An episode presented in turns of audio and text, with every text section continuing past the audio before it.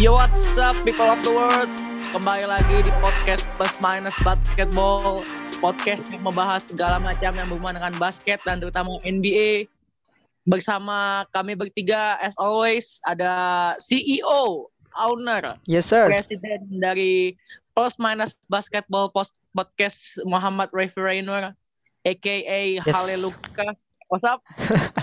What's up, what's up, what's up? Host baru, what's up? Wede. Lagi magang bos lagi magang Oh, magang. Magang, maksud. Gimana Magang. hari-hari lu? Ya, bagus. Kita lagi minggu-minggu ujian ya. Jadi ya rada tough, tapi NBA is back. Ya, gue juga udah langganan rela-rela langganan video untuk nonton NBA lagi. Jadi ya, welcome back ya NBA. Iya. Ada CEO, ada presiden, pasti ada vice presiden juga. Anjing vice president. Ini ada vice presiden kita. Ini ibaratnya kalau Raynor itu Jenny Bass, presidennya Lakers. Ini ini nih Rob, Rob Pelinka ini. Rob Pelinka, yes sir. Ya. Iya, Ada Mas. Cuman Rizky Ramadan, aka Kipai, aka Zionisma. What's up? What's up, Yo, boy? Yo boy, I'm good. Gimana? Gimana hari-hari lu? Ya biasa lah, se- so-so. Lu gimana perasaan lu menjadi host pertama kali? Wah, aduh. Feel Gimana ya Pak? Saya anak, saya anak magang Pak. Ya, Masih masih training lah. Training ya training. dari spirit dapat lah ya. Iya. Spiritnya Pokoknya mantap ini. Kalau misalkan magang pertama spiritnya nggak ada, langsung dipecat masalahnya Pak. Oh, betul sekali. Betul sekali. Betul. Kredibil- Kredibilitas saya bisa turun kalau misalkan nggak ada spiritnya. Iya. Betul sekali. ya dan kalau misalkan ada Jenny Bass, ada Rob Pelinka, pasti nggak akan lengkap tanpa head coach. Ibarat Siap. gua Frank Vogel ya sama gua tentu saja third man of the year. LeBron Jibril aka The King's Legacy aka Bron Seksual nomor satu Sleepy Raya. Yes, What's sir. Ya, what's up, Bang? Sudah sudah Ya. mulai melangkah. By the way, by the way, gua kemarin baru nonton uh, ring ceremony-nya Lakers ya. Itu emang beda banget dibanding ring ceremony uh, tim-tim juara tahun lalu karena yang ngebawain nama-nama pemain yang juara pelatih sama manajernya itu keluarga dari mereka masing-masing dan itu mantep banget ya.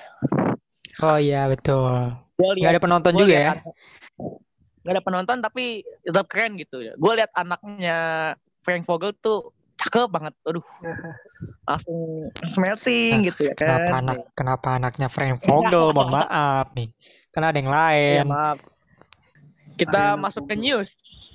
Seperti biasa, Kipai sebagai pembawa news ada berita apa aja nih, Pai? Iya. Eh, pertama gue datang dari injury news yaitu ada tiga pemain yang cedera di minggu ini. Pertama dari GWS yaitu Marquis Chris mengalami cedera patah kaki dan tidak akan kembali bermain musim ini. Ah, Sepertinya dia harus keluar lebih cepat seperti Clay Thompson ya. Dari itu dari GSW dan berikutnya dari Brooklyn Nets Spencer Dinwiddie mengalami ACL robek dan Aduh. tidak akan kembali bermain musim ini. Sama seperti Hmm. Marquis Chris, dia juga eh, harus pulang lebih cepat musim ini karena menderita ACL. Bang, lebih cepat. Eh, Iya, iya, iya. ketiga dan terakhir itu apa ya? Eh, Ru- dia rookie tahun lalu bukan sih? Ruti ya? Iya, benar. Iya, oke tahun lalu ya. Jamoran eh, hari ini dia harus keluar apa ya? keluar lebih awal ketika bertanding melawan Brooklyn Nets Eh, karena mengalami cedera ankle kiri terkilir dan terpaksa harus dibawa memakai kursi roda. Dia mendarat di seorang Serem loh itu. Iya.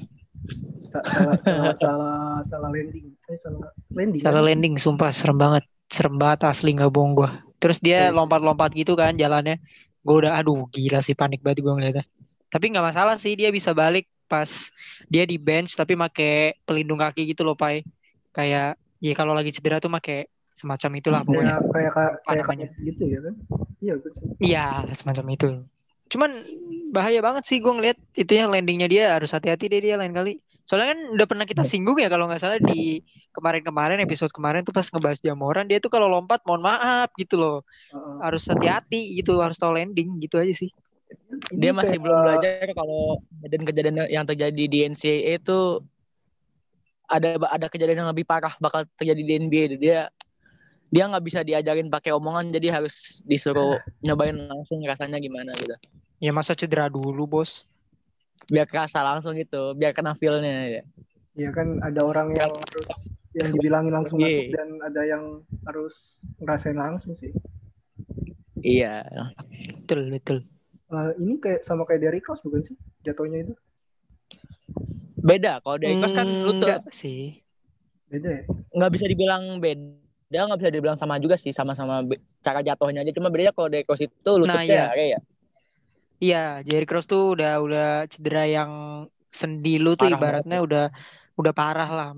Bahkan kan Derrick Iya. Rose kalau nggak salah sempat dikabarin untuk pensiun kan karena dia nggak bisa se-eksplosif Iya. dulu dan Jamoran banyak orang yang nyamain dia sama Russell Westbrook tapi gaya lompatnya tuh kayak kayak Russell Westbrook kayak Derrick Rose gitu. Jadi dia harus hati-hati Jadi- sih biasanya kan pemain eksplosif tuh cepet banget cedera ya. Mohon maaf. Iya, Jadi Iya. sekali lagi Jamoran tuh aduh harus hati-hati dah dia lain kali. Iya. Dia ibarat kalau pilot belajar nerbangin pesawat doang tapi nggak belajar cara mendaratnya gitu. Iya. Eh, tapi menurut kalian tuh ini ngaruh gak sih karena apa ya jadwal NBA ini yang ketat banget gitu kayak sehari ma- sehari main sehari main sehari dua hari main gitu ngaruh gak sih ke Hmm. kondisi fisik atlet ini mungkin dari lu Bril yang se- sebagai atlet juga gimana Bril? Eh, pasti bakal ngaruh ya maksudnya apalagi cederanya cedera jangka panjang sampai satu musim off gitu. Iya. Eh, yang gua positif mengaruh itu eh gimana tim ma- mereka masing-masing ke depannya kayak GSW senternya hilang gitu. Terus eh, Spencer Dinwiddie itu kan salah satu backup guard yang bagus buat Brooklyn Nets ya buat gantiin Kyrie maksudnya eh gua nggak mau gua nggak mau lah maksudnya Kyrie main sendirian gitu. nggak ada guard yang bagus buat nge-backup dia kalau misalkan dia lagi diganti gitu. Karena kita tahu kan selain Kyrie cuma Spencer Dinwiddie doang point guard yang bisa ngatur flow-nya gitu. Dan untuk Jamoran ya ya kita tahu gimana pemain pemain tumpu gitu pemain kunci utama. Ya hopefully eh maksudnya tim- tim-tim ini masih tetap bisa maju lah meskipun pemain mereka ada yang cedera gitu. Gitu sih menurut gue Gitu ya. Oke. Iya. Kaimur ada tanggapan? Setuju, setuju. Iya, gue setuju banget sama Jibril. Soalnya eh, Spencer Dinwiddie ini udah udah lama banget. Sekitar tiga musim belakangan ini udah jadi salah satu instrumen penting dari nyawanya Brooklyn Nets gitu. Dari zaman masih ada D'Angelo Russell, sebelum ada D'Angelo Russell sampai sesudah D'Angelo Russell sekarang ada Kyrie. Gue rasa Spencer Dinwiddie adalah salah satu jika bukan pemain terbaik Nets bahkan bisa gue bilang di beberapa musim terakhir kayak tadi Jibril bilang dia backup yang bagus buat Kyrie. Dia tuh salah satu pemain yang eh sebenarnya pantas untuk jadi starter tapi terlalu bagus untuk dimainkan di off the bench gitu. Dia tuh bener-bener six man specialist menurut gue dan kalau Dinwiddie nggak ada kan kita udah bilang ya Kyrie ini orangnya rada mut-mutan gitu ya, mohon maaf. Jadi kalau misalnya Kyrie cedera, pura-pura cedera atau misalnya lagi nggak pengen main ya, moodnya lagi jelek, ya bahaya untuk Nets karena Dinwiddie harus absen. Paling yang gantiin Karis Levert. Tapi kan Levert nggak terlalu Iya. bagus untuk main di point guard Iya. gitu. Bukan bukan spesialisnya dia juga uh, terlalu shoot banyak, playmakingnya juga biasa aja. Joe Harris apalagi kan nggak mungkin lah lu shooter lu taruh di posisi satu gitu. Kecuali lu mau uh, take a risk untuk masang KD di dua atau satu untuk playmaking. Ketika Waduh. Kyrie nggak ada, ma- ya itu pertanyaannya gitu sih. Apakah Nets nanti bisa acquiring gue gue masih nggak tahu ya eh, Nets nih rosternya siapa mungkin gue cari. Tapi ada satu pemain namanya Chioza kalau nggak salah. Dia itu Iya, pemain ada, ada. Nets point guard juga.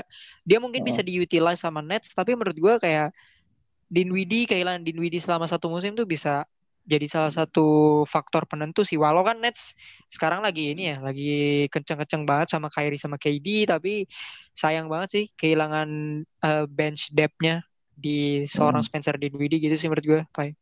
Iya, iya. Iya. benar-benar. Iya. Speaking of Kyrie Irving, berita kedua ini datang dari seorang Kyrie Irving.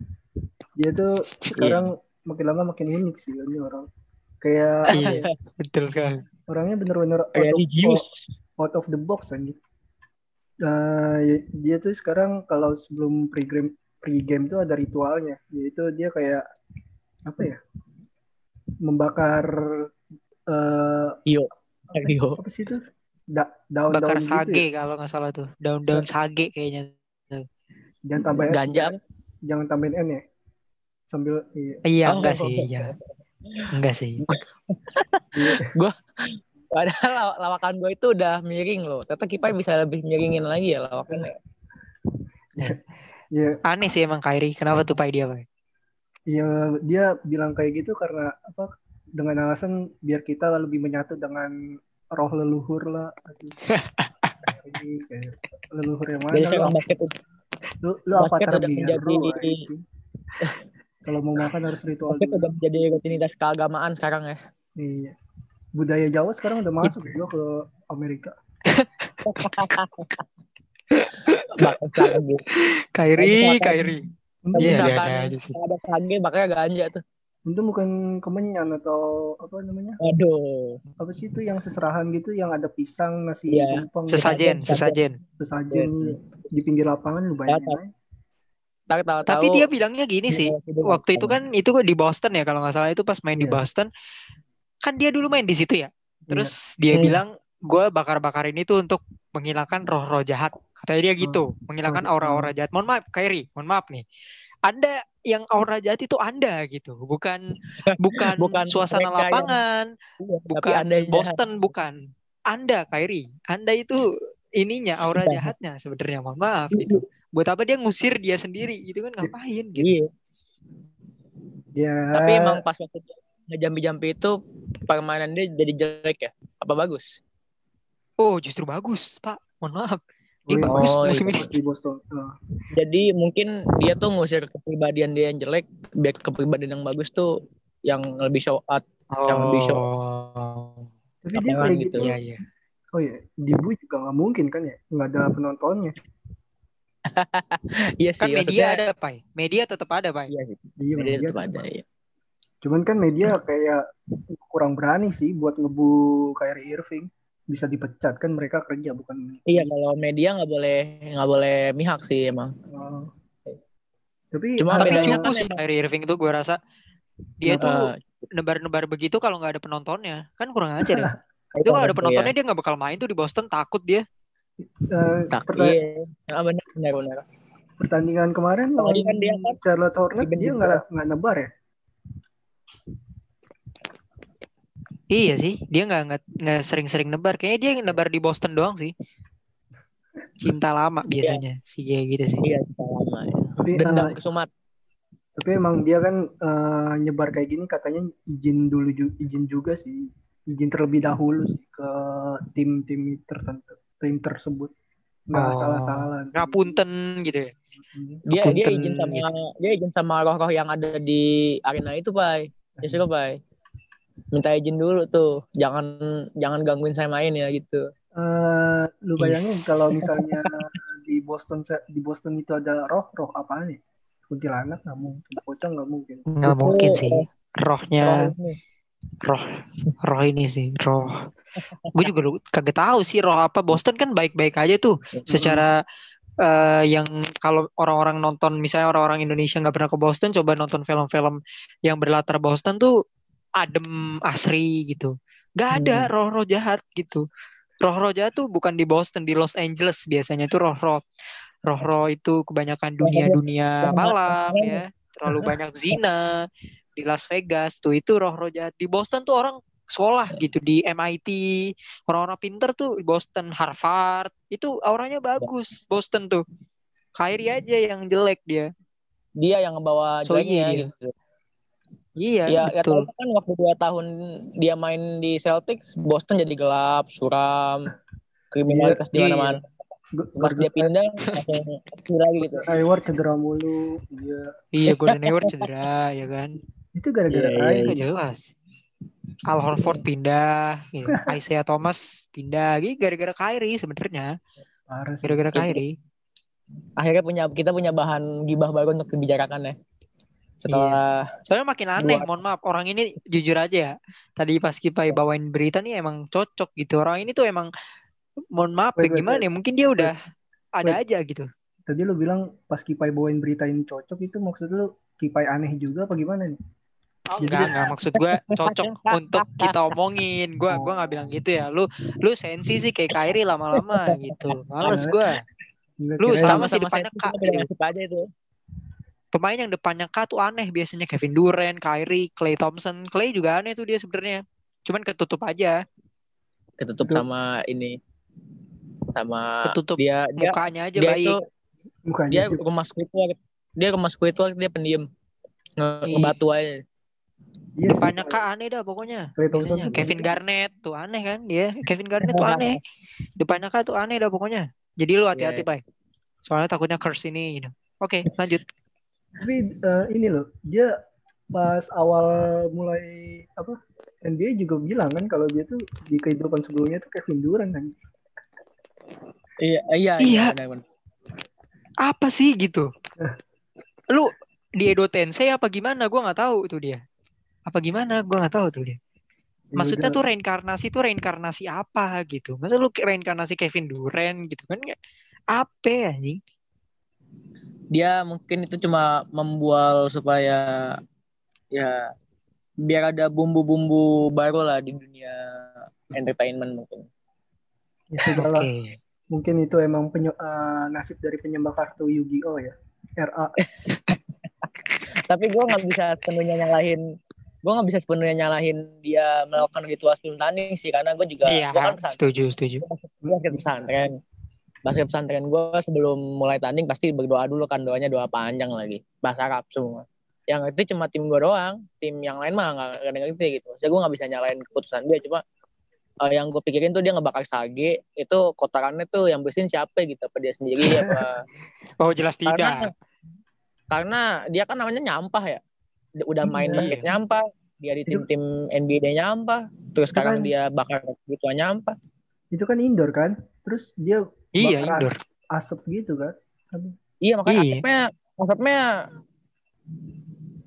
ke mana-mana itu untung gak ada penonton itu untung yang dibakar sage kalau yang dibakar ganja mabuk semua itu Iya sih betul. Tapi dulu kalau nggak salah Phil Jackson kalau kalian nonton The Last Dance tuh dia juga suka ngegunain ritual ini sih. Kalau nggak salah tuh ritual-ritual kayak gini tuh digunain sama Native American dulu, suku-suku Indian dan segala macem. Jadi Iya, iya, iya. kalau emang dari orientasinya sih nggak masalah. Cuman kayak aneh nggak sih di di di zaman sekarang ya? Bukan nggak nggak nyalain masyarakat modern juga, tapi Ya. kayak kayak haus atensi nggak sih ini orang kayak tiba-tiba eh, apa eh, ngebakar sage gitu kan jalan-jalan di seluruh stadion tuh kayak apa ya gitu sebenarnya orang nih paranormal apa Iya, gimana gua nggak tahu tuh dia Iya, mungkin itu aja ya berita hari ini di Iya. episode ini. Hari yang berbahagia. Iya. Karena iya. kita mendapatkan host yang baru yaitu LeBron. Iya, iya. oke Iya, iya.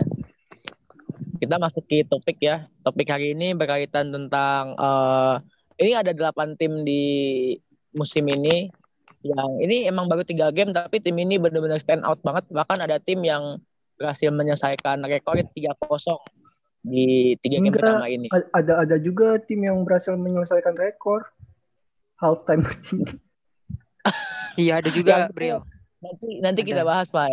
Itu iya itu itu, itu simpan yang- nanti simpan nanti simpen nanti. nanti untuk segmen gibah. Ya. Jadi delapan tim tersebut adalah Los Angeles Lakers, Los Angeles Others, Los Angeles Clippers maksudnya, Anjir, Ada- Anders. ada Brooklyn Nets, ada Golden State Warriors, Houston Rockets, Denver Nuggets, Dallas Mavericks, and Cleveland Cavaliers. Eh kita bahas satu-satu apa gimana nih enaknya? Bahas kalau bahas satu-satu, gue tuh malas ngebahas Clippers sih sebenarnya sih, karena nggak perlu dibahas. Lo justru itu yang itu yang seru gitu itu Oh, iya. ininya Iya sih, maaf. makanan pembuk makanan penutupnya itu itu cocok itu dessert. Mungkin uh, Bisa. gue mau bahas uh, dari Cleveland Cavaliers dulu aja ya karena rekor rekor tim mereka adalah 3-0 dan kalau misalkan kalian berdua tahu Ray sama Kipai uh, di dua musim terakhir uh, waktu LeBron nggak ada ya LeBron pindah ke Lakers dua musim terakhir mereka itu men- menduduki peringkat terbawah di uh, NBA standings tapi opening night mereka season open opening season mereka itu tuh selalu bagus gitu. Kayak tahun kemarin 2020 season 2020 pembukaan mereka tuh bagus, lancar menang-menang terus tapi semakin ke sini semakin kalah gitu. Dan sekarang kan mereka lagi menang 3-0 nih. Pertanyaan gue adalah apakah menurut lo Cavs ini uh, akan bisa menghancurkan kutukan mereka bagus yang di awal tapi di akhirnya patah semua, patah tulang semua apa mereka akan tetap stick together. Karena kan kalau misalkan mereka bagus doang di awal sama kayak TJ bahkan Spotify premium dua minggu itu. Ya, mungkin dari mungkin dari lu dulu kayak menurut lu gimana nih? Cleveland Cavaliers. Jelas tidak lah jelas tidak lah. Maksudnya iya jelas enggak. Maksudnya kecuali kecuali Colin Sexton tuh main bagus di tiga game pertama. Dia hmm. benar-benar bagus tapi gue sih nggak nggak nonton Cleveland ya jujur aja. Gue uh, ya maksudnya siapa sih yang mau nonton Cleveland? Gak ada LeBron gitu kan. Kevin Love udah tua tuh siapa yang mau nonton? Tapi melihat dari sebelum kita rekaman gue sempat ngeliat highlightsnya tadi sore. Ini kita rekaman malam. Uh, they're not bad actually. Uh, di tiga game pertama maksudnya mereka punya skema permainan. Terus nggak uh, buruk-buruk amat maksud gue. Dan yang paling gue kaget sebenarnya dari Cleveland Cavaliers tuh JaVale McGee tuh di Cleveland Cavaliers ya ternyata gue kaget banget yeah, dia yeah. dia main di Cavs kayak ah orang ini di Cavs gitu gue sampai terkejut-kejut tapi um, mereka punya big man yang bagus kehilangan Tristan Thompson mereka langsung ngambil JaVale McGee menurut gue itu yeah. bu bukan replacement yang jelek tapi bukan replacement yeah. yang uh, bisa menyembuhkan segalanya gitu di di di Cavs. Tapi dua pemain sih Colin Sexton sama Darius Garland itu bagus kok mereka backcourt yang lumayan apa ya under under rider gitu. Under the radar yang sangat uh, orang-orang tuh nggak bakal ngelihat mereka si jago itu. Kayak Colin Sexton kalau nggak salah game uh, barusan nih Cavs lawan siapa ya? Gue lupa deh. Dia tuh 32 poin something. Ya, ya. lawan si mm, Sixers tanya dibantai lagi Sixers. Iya Sixers dibantai Sixers. Sixers. Gue kalah lawan Cavs. Gue salah masukin Sixers di prediksi playoff Eh, kayaknya enggak sih. Tapi regardless itu menurut gue Cavs tetap nggak lolos playoffs. Ya ini cuman uh, early start aja ya. Emang mungkin kan mereka pertama dapat libur yang lebih panjang satu, kedua mungkin iya. pemainnya udah pada ready, udah siap iya. ya. Udah lama nggak main basket jadi settle semua. Uh, rookie-nya juga bagus, pemain-pemain mudanya juga solid. Andre Drummond juga tetap jadi rebound leader. Gue juga kayak ini orang kagak pernah stop jadi rebound leader apa gimana sih? Kayaknya dia nggak bosen-bosen banget gitu. Ya yeah, he's good uh, koordinasi mereka juga bagus. Passing passingnya juga quick. Yang dari gue lihat di highlights kemarin lawan uh, mereka tuh lawan Hornets kalau nggak salah di game pertama. Jadi ya uh, sinyal yang bagus tanpa LeBron. Tapi ya tetap aja lah. Kalau Cleveland tuh nggak ada LeBron tuh kayak Messi gak ada Barca gitu. Ya mediocre aja pasti. Ya iya iya benar-benar. Bukan kalau menurut lo gimana Bukan Madrid tanpa Ronaldo ya? Oh enggak, kalau itu masih ja tetap jago, bisa masih bisa juara liga sih. Itu. Bisa, bisa, bisa. Setidaknya ya. juara Spanyol Cup gitu ya. Iya. Kalau menurut gue, ini dari karena mungkin apa ya Cleveland Cavaliers tuh jarang ada perubahan-perubahan major, major sih. Mereka tuh pemain ya, itu ya, selama setelah ditinggal LeBron tuh pemain uh, pemainnya itu, itu aja kalau kalau ganti cuma di Iya iya. Nah, Larry Nance masih di sini, Colin Sexton masih di sini walaupun uh, sempat main sama LeBron nggak sih Colin Sexton ini? Enggak, enggak pernah. Enggak, enggak sempat. Colin Sexton datang, LeBron cabut. Mungkin dia tahu kali ini anak rada-rada defense tuh rada-rada, jadi aku pergi saja gitu. Tapi emang keren sih Colin Sexton ini, yang unggul. Iya, iya. Uh... Kayak apa sih ya? Ya bener-bener yang unggul sih jadi Osman juga di sini bisa Kokoro Kevin Porter ya chemistry sih menurut iya. karena kan emang timnya kan terbentuk dari squad-squad lama ya additionalnya hmm. cuma yep. Javel McGee Isaac Okoro terus ada Ton Maker juga maksudnya mereka oh iya? Ton Maker iya. Ton Maker di Cavs main di Cleveland juga iya oh. gue lihat kalau nggak salah Ton Maker wah Iya tuh. Sama Legend. satu lagi itu, satu lagi itu siapa ya? Gue lupa. Nah, ya karena uh, emang dan gue setuju juga gimana lu ngekip pemain lama dan pemain yang pemain baru yang lu, lu datangin itu cuma untuk ngisi spot kosong doang. Meskipun emang yep, Isaac Okoro dipasang jadi starting small forward ya. Gue sebenarnya agak agak kurang setuju sih gue lebih gue lebih milih Sedi Osman karena uh, Sedi Osman udah pernah main sama LeBron James juga dan satu betul, pemain betul, betul. kayak LeBron James juga maksudnya kalau misalkan harus Isaac yang dimainin tuh kayak eh, nggak uh, adil aja gitu buat Sedi Osman. Tapi ya kita serahkan kepada coach JB Bickerstaff. Jadi Osman ini juga Jadi, ini kan ya? Apa dia timnas Turki ya? Iya. Timnas Turki dia. Turki kan? iya. Dia first option scoring loh di timnas Turki. Gue sempat bahas di YouTube gue soal Cedi Osman. Dia tuh sebenarnya gua musim pertama pas LeBron pergi pergi itu gue megang Cedi Osman untuk jadi most improved player. Gue tuh emang aneh, tapi yeah. karena dia bagus di, di Oh bener, lu juga? Gue juga megang waktu dia kepilih Rising Star aja gue percaya dia bakal masuk MIP. Iya gak sih? Maksudnya kan dia sebenarnya dia punya potensi, tapi kayaknya Cavs nggak nggak nggak suka pemain-pemain Eropa sih. Kayaknya dia bukan penganut uh, ini Haleluka ya. Dia bukan penganut kayaknya pemain Eropa bagus. Soalnya Cedi Osman tuh bagus, men. Cedi Osman tuh bagus kalau dikasih kepercayaan gitu. Menurut gua tuh karena Cavs-nya Cavs-nya bego aja timnya paling bawah jadi Cedi Osman kurang waktu Cedi Osman kepilih Rising Star itu udah kelihatan cuma setelah setelahnya Cavs-nya turun-turun mulu kalah-kalah iya. mulu jadi bubar. Anyway, Min. kita uh, kita masih kita masih ngebahas tim-tim yang stand out dulu ya, tim-tim yang enggak stand out belakangan aja. Ada ada tim yang tadi masuk ke topik eh masuk ke breaking news dua kali, ada Brooklyn Nets. Yes, yang sir. berhasil mengalahkan Golden State Warriors dengan skor yang cukup telak ya. Telak sekali. Telak banget itu. Uh, dan uh, kan ada yang ada yang ada yang pernah bilang banyak banyak sih makanya netizen bilang kayak dia pakai itu nggak fit gitu karena sama-sama ball hawk, sama-sama kemudian egonya tinggi tapi menurut gua justru dari situ mereka bisa aja ngebangun hubungan yang baik gitu. I, jadi ibaratnya kayak sahabat tapi toksik tapi sahabat tapi toksik ya gitu jadinya. Uh, regardless dari penampilan mereka yang bagus, uh, gue mau tanya sama lo berdua dari Kipai dulu apakah Brooklyn Nets bisa tetap stick di performa kayak gini atau mungkin ada kejadian-kejadian yang nggak terduga apa yang menurut lo gimana Pak? Kalau menurut gue tuh asumsi-asumsi kemarin tuh kayak kita tuh terlalu cepat menyimpulkan nggak sih? gue sampai nyesel aja N- naro naro GSW di atas ketimbang ya walaupun beda conference ya naro GSW di atas ketimbang Brooklyn Nets posisinya Bro Brooklyn Nets yang sekarang yeah, yeah. itu bagus banget aja. Oh, walaupun Bang. kita ya, walaupun kita nggak tahu di apa ke depannya bakal ini apa enggak, tapi gue rasa selama di regular season ini bakalan aman-aman aja sih. Uh, di uh, pertandingan sebetulnya itu kan di playoff. Jadi mungkin sifat-sifat asli yeah, yeah, yeah. bakalan lebih keluar. Ke, uh, soalnya juga yeah. coba kayak Irving kan mut-mutan kan. Kalau Duran ya kita tahu lah dia itu sih uh, April. Hmm. Oke, kalau menurut lo gimana, Kay? Gue tetap stick sama pilihan gue sih bahwa gue yakin Brooklyn Nets ini akan kesulitan bukan major kayak kata Kipai mereka aman-aman aja.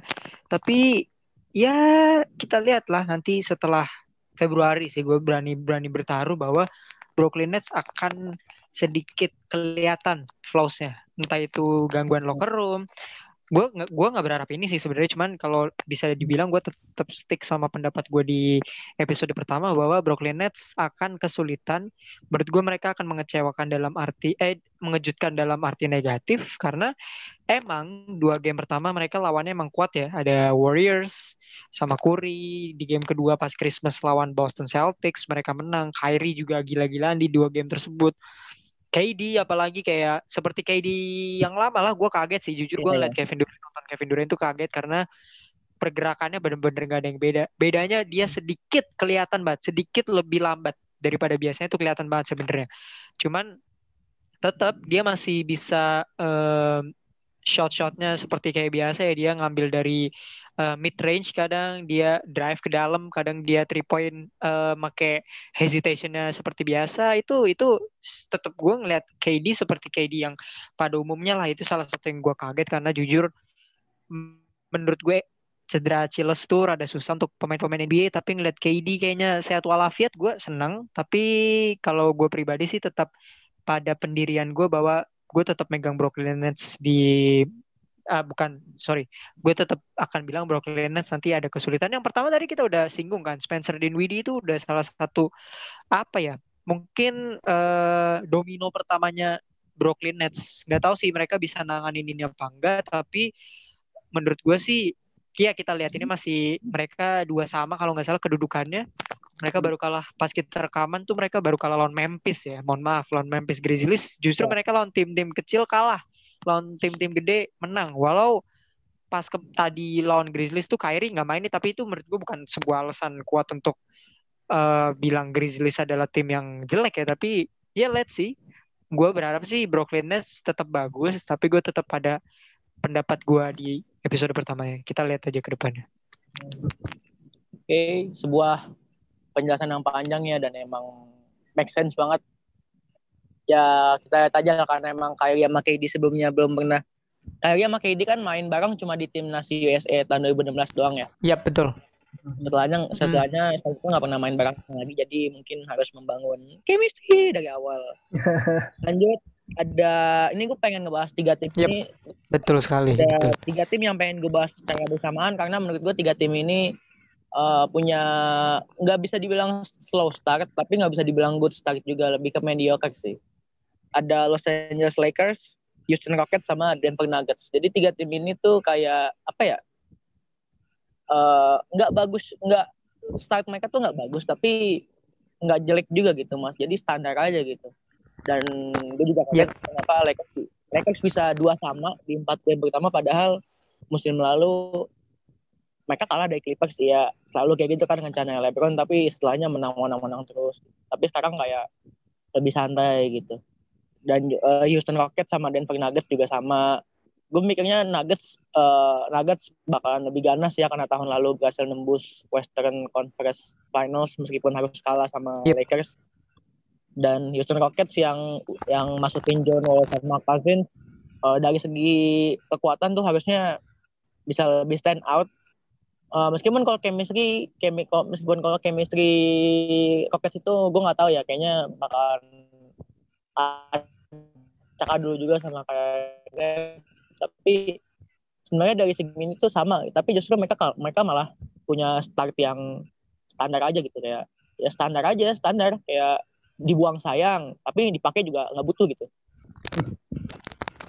Kalau menurut lu tapi James Harden Bril dia ya. Gue kaget sih di James Harden ya. Karena dari yang kita ngomongin di preseason kemarin uh-huh. sama lu nonton Rockets gue nonton pas lawan Portland kemarin pas kalau nggak salah mereka kalah. Tapi James Harden lebih outstanding dibandingkan John Wall sama DeMarcus Cousins tuh kagak kelihatan. Kayaknya Cousins belum main ya. Kayaknya John iya, Wall tuh nggak kelihatan sama sekali. James Harden tuh yeah. kemarin 44 poin 17 assist men di game hmm. pertamanya dia dan dia kagak latihan full. Dia kerjanya ke strip club doang mohon maaf. Sekalinya main 44 poin 17 assist dong. Itu menurut gue ya mungkin gue menginginkan Rockets ya karena kan gue bilang mereka nggak lolos playoffs.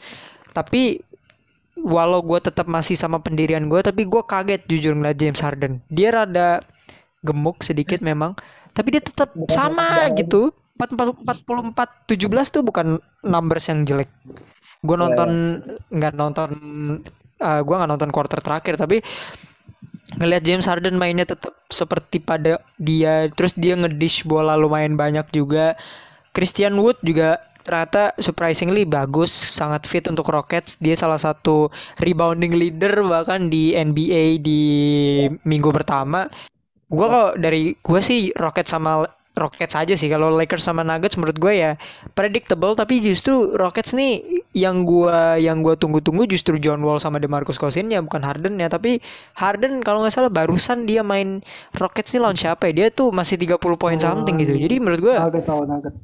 aneh. Nuggets ya lawan Nuggets barusan ya Iya. Jokic yeah, yeah. triple double tapi Harden nih tetap nggak nggak ngerti lagi gue konsepnya dia tuh emang gimana tuh gue nggak ngerti tuh dia. Kagak latihan intens di strip club doang sekalinya main 44 17 aneh emang. Gitu sih kalau dari gue dia strip club itu latihan. Iya. Latihannya dia latihan dia latihan sih latihan bayar cewek. Enggak main bola, bola yang lain. Main bola yang lain. Oh bisa, bisa, Kan- bisa. Latihan, latihan, latihan basket kan dribble dua bola. Nah dia tuh kayak gitu tuh dribble dua bola tapi Betul. di strip. Bi- Eh, tapi dia- Bisa. masalahnya kenapa sih? Ang- kan dia anggot-anggotan kan. Nah itu kenapa sih? Dia tuh ini ini kalau dari gue sedikit ya ini menurut gue dia tuh sebenarnya emang pengen di trade banget sih pak entah pengen di trade atau kayak cewek yang mau pergi gitu loh kayak mengancam untuk pergi gitu pengennya di di di di apa di dikejar gitu. Harden nih kayak pengen dikejar gitu sebenarnya. Sosok ah aku akan eh, menaruh hit di listku. Aku akan menaruh eh, Pelicans di listku. Gitu-gitu. Dia sengaja sih sebenarnya. Dia tuh kayak sosok ini aja sosok pengen dikejar aja sebenarnya. Mungkin emang pengen di trade sih dia. Karena dia tahu kalau Russell Westbrook nggak ada dia nggak Iya. bisa berharap banyak pada siapa pun kan kalau nggak salah Rockets tuh belum menang deh di dua game pertama lawan Nuggets kalau nggak salah kalah lawan Portland kalah tapi James Harden gue lebih terkejut sih kalau gue di situ sih Ya, jadi lebih terkejut di James Harden-nya ya, bukan timnya ya. Dia tuh ibarat ini pak. Iya. Ibarat cewek lu lagi cewek lu lagi BM, nah lu sibuk, cewek lu ngancem bakal jalan sama mantannya kalau misalkan lu nggak bawain dia makanan gitu pak. Ibaratnya iya gitu. semacam itulah Iya. semacam itu Ya sama kayak kalau misalkan cewek lagi BM, kalau misalkan gak diturutin ya ngamuk sama kayak dia nih kalau misalkan kemauan yang gak diturutin ya dia cabut. Gitu. Ya gitu sih maksudnya. kalau dari lu Bril eh, Lakers gimana nih kenapa dari kenapa ya, menurut lu mereka rada slow slow start eh, yang pasti dari chemistry ya karena yang kayak yang tadi gue bilang eh Lakers Lakers 2020 sama sekarang itu nggak dari segi kekuatan nggak jauh beda. Bedanya eh, perbedaannya itu adalah komposisi pemain dan komposisi dan gameplay permainan mereka yang biasanya main blok-blokan aleup aleupan sekarang mereka jadi lebih santai lebih slow karena center mereka bukan ahlinya melom- melompat ya. Jadi lebih ke kan Gasol itu kan lebih ke three point shooter ya. Jadi eh mereka gameplaynya sih kayak gameplaynya tuh kayak kelihatan beda aja sih gitu. Dan eh, dari point guard juga Dennis Schroeder eh, masih butuh waktu beradaptasi. Ya sama juga sih Montrezl Harrell sama Iya. Wesley Matthews.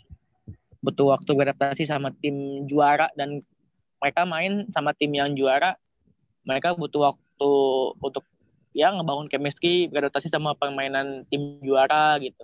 Apalagi kan yang pindah yang yang pindah kan eh, bukan play bukan pemain utamanya gitu. LeBron sama AD masih ada KCP masih ada Yep. gitu. Maksudnya senior senior senior senior.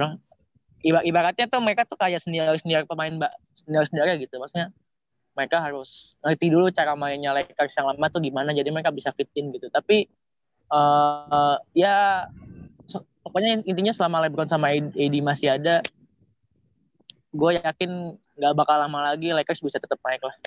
Kayak kayak katanya LeBron waktu abis juara kan lu nggak akan pernah ngelihat duo seperti kami untuk waktu yang lama. Um ya gitu sih kalau menurut gue ya ya intinya emang tiga tim ini punya start yang masih standar tapi nggak ada Betul. yang tahu ya proses itu nggak ada yang tahu. Itu sih. Lanjut nih.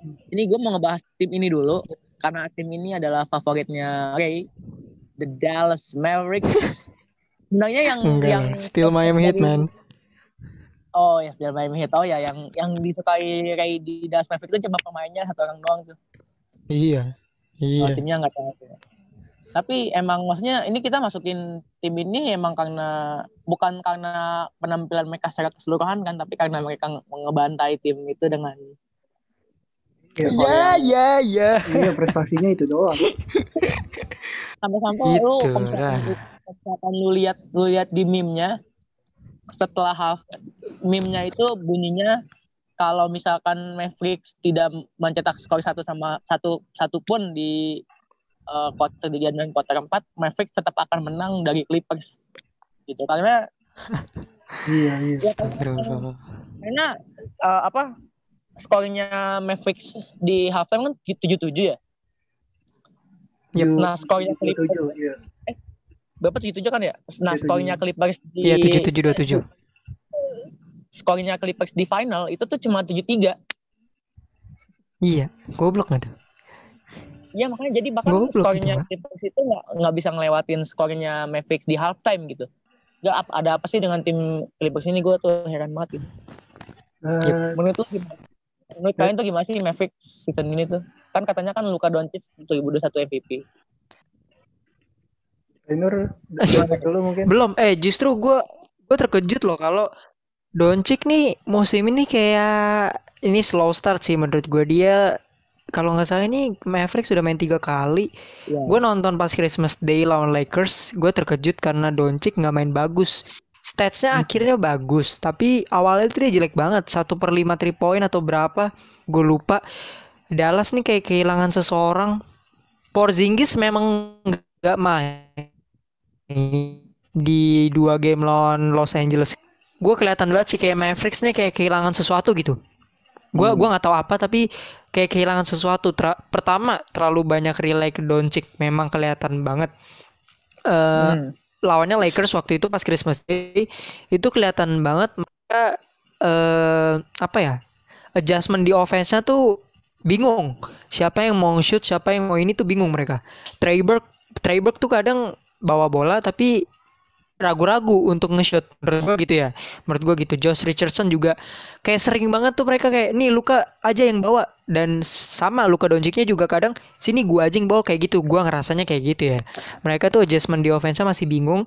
Dan menurut gua eh, Luka Doncic kayaknya lagi kering di tiga game pertama termasuk lawan Clippers sebenarnya ya. Termasuk lawan Clippers dia tuh field goal jelek banget. Hmm. nggak ada three point kalau nggak salah. Jadi menurut gua Mavericks harus bener-bener cari adjustment di offense ya itu sih intinya menurut gua ya mungkin Mavericks butuh point guard yang bisa ngatur tempo permainan biar Mavericks ini nggak terlalu fokus di Luka Doncic terus. Kalau nggak sure Ya. deh bener shooter banget. Soalnya mereka kayaknya George Richardson tuh three point-nya nggak begitu mantep gitu. Treyberg juga Iya. eh, bagus menurut gua, tapi bener-bener butuh pemain yang kualitasnya lebih bagus daripada ini. Kalau Mavericks ya menurut gua Mungkin gitu sih. karena- Cuman emang di game lawan Clippers gua nggak nonton langsung, tapi gua nonton highlights-nya. Emang kelihatan beda sih mereka. faktor Hmm. Curry di trade enggak sih? Kayaknya Seth Curry itu pas di playoff tuh dia benar-benar bersinar sih di Mavericks. Apa Siapa? Seth Curry, Seth Curry. Iya, iya, itu sih Pai. Seth Curry kan Seth Curry. emang Tapi point udah pindah. shooter kan. Mhm. Jadi sayang sih kalau Iya iya benar benar. Tapi gue juga bingung sih nih satu orang apa satu tim ini kenapa quarter 1 sama quarter 2-nya cuma 13-14 ya? Itu eh, istilahnya ini Pak. Lu som- menang menang terlalu cepat, menang terlalu cepat, sombong terlalu cepat, kalahnya cepat juga jadinya. Enggak, eh, yang yang salah tuh defense-nya jelek apa emang kagak bisa attack gitu loh. Sayang gue nggak nonton. Biasanya biasanya itu lebih ke offense-nya yang mandul Pak. Karena nggak bisa tag, nggak bisa tag Iya, sih Pai. benar. Kalau misalkan lu kalahnya lu kecolongan banyak dari lawan tapi lu nyanyi skor juga banyak, itu artinya defense lu jelek karena lu ngebiarin lawan skor banyak.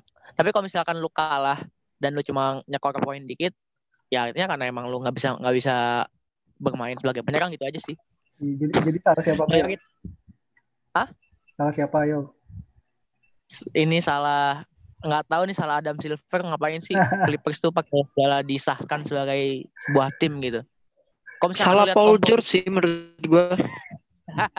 Enggak, kalau misalkan lu lihat komposisi starternya, itu lima pemain itu lima pemain itu yang yang Sumpah. condong ke defensif loh. Kenapa? Suara kalian Lima apa? pemain lima lima starting lima starternya Clippers itu kan pemain yang condong ke defense. Iya.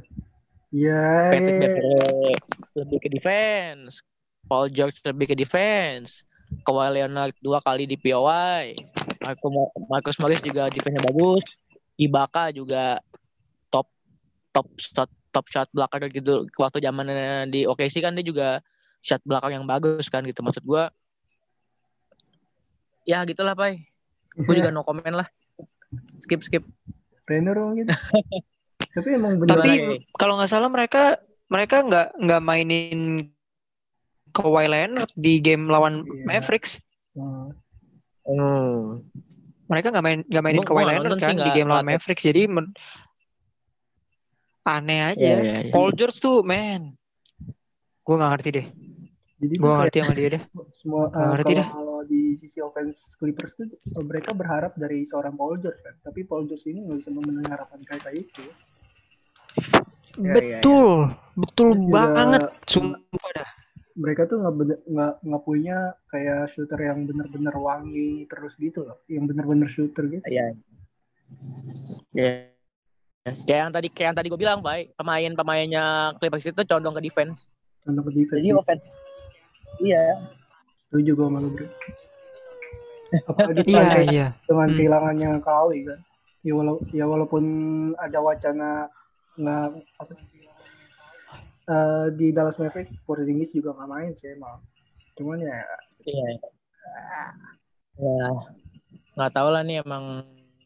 Nggak ngaruh Ya, sih kan Pai. Nggak ngaruh sih menurut gua. bilang.